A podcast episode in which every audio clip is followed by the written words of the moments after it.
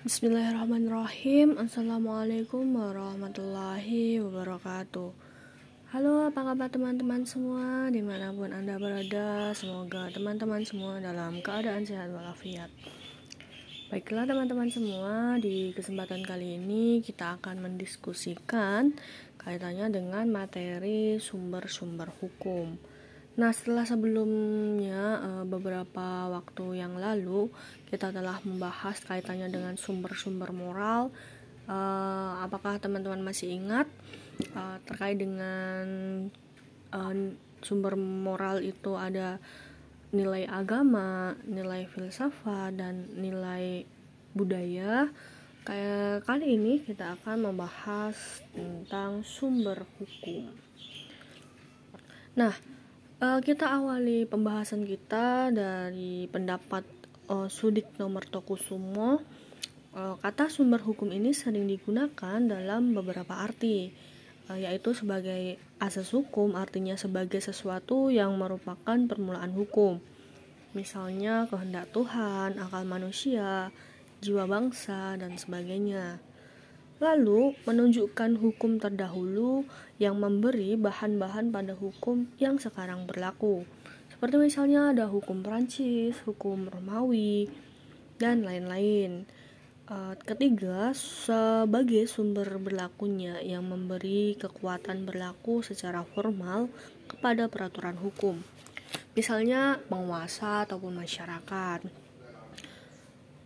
Kemudian, sebagai sumber dari mana kita dapat mengenal hukum, misalnya dokumen, undang-undang, e, batu bertulis, dan lain-lain. Dan yang terakhir, bahwa sebagai sumber terjadinya hukum, yaitu sumber yang menimbulkan hukum. Nah, dari pengertian uh, Sudipto Mertokusumo ini ada dua arti. Yang pertama, mengapa hukum itu mengikat.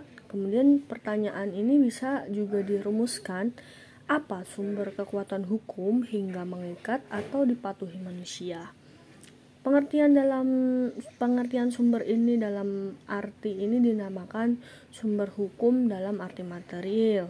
Kata sumber eh, juga dipakai dalam arti lain yaitu untuk menjawab pertanyaan di manakah kita dapat dapatkan atau temukan aturan-aturan hukum yang mengatur kehidupan kita itu sumber dalam arti yang kedua ini dinamakan sumber hukum dalam arti formal. Nah, teman-teman semua, secara sederhana, sumber hukum adalah segala sesuatu yang dapat menimbulkan aturan hukum serta tempat ditemukannya aturan-aturan hukum.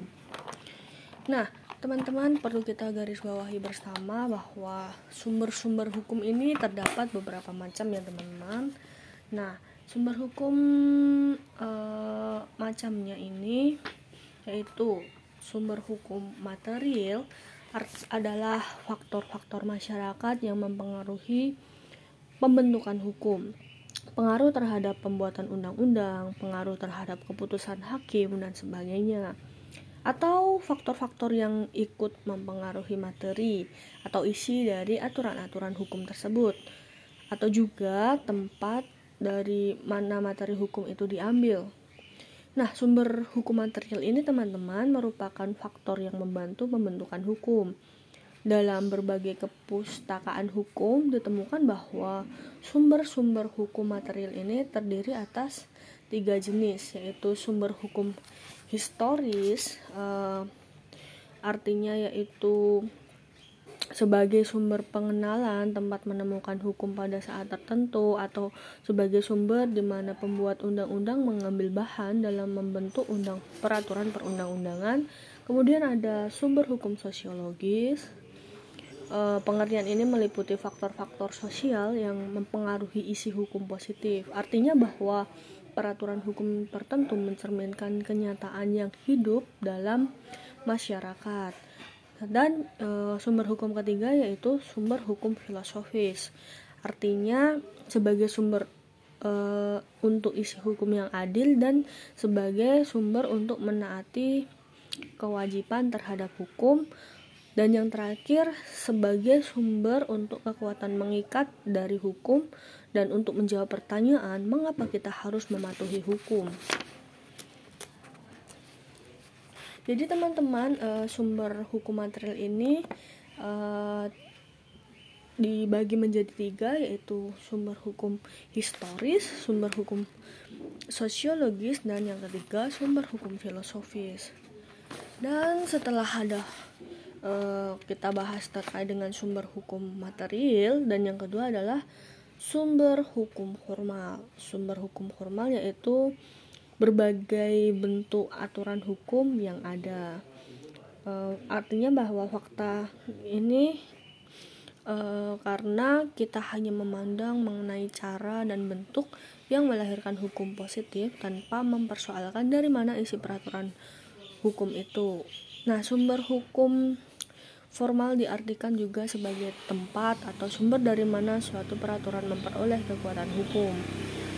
Nah, teman-teman semua, ini berkaitan dengan bentuk atau cara yang menyebabkan peraturan hukum itu formal berlaku. Uh,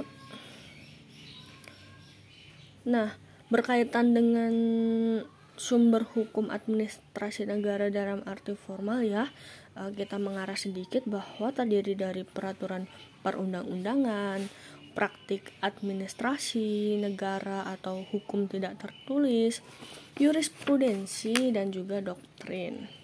Apakah kita uh, mungkin nanti kita akan bahas satu-satu pengertian tentang apa itu peraturan perundang-undangan, kemudian apa itu praktik administrasi negara, uh, hukum tidak tertulis, jurisprudensi ataupun doktrinnya di lain kesempatan. Uh, baiklah teman-teman, uh, mungkin cukup sekian materi uh, apa ya pembahasan kita pada kali ini. Mohon maaf jika terdapat tutur kata yang kurang berkenan di hati teman-teman semua. Uh, terima kasih saya ucapkan akhir kata. Wassalamualaikum warahmatullahi wabarakatuh.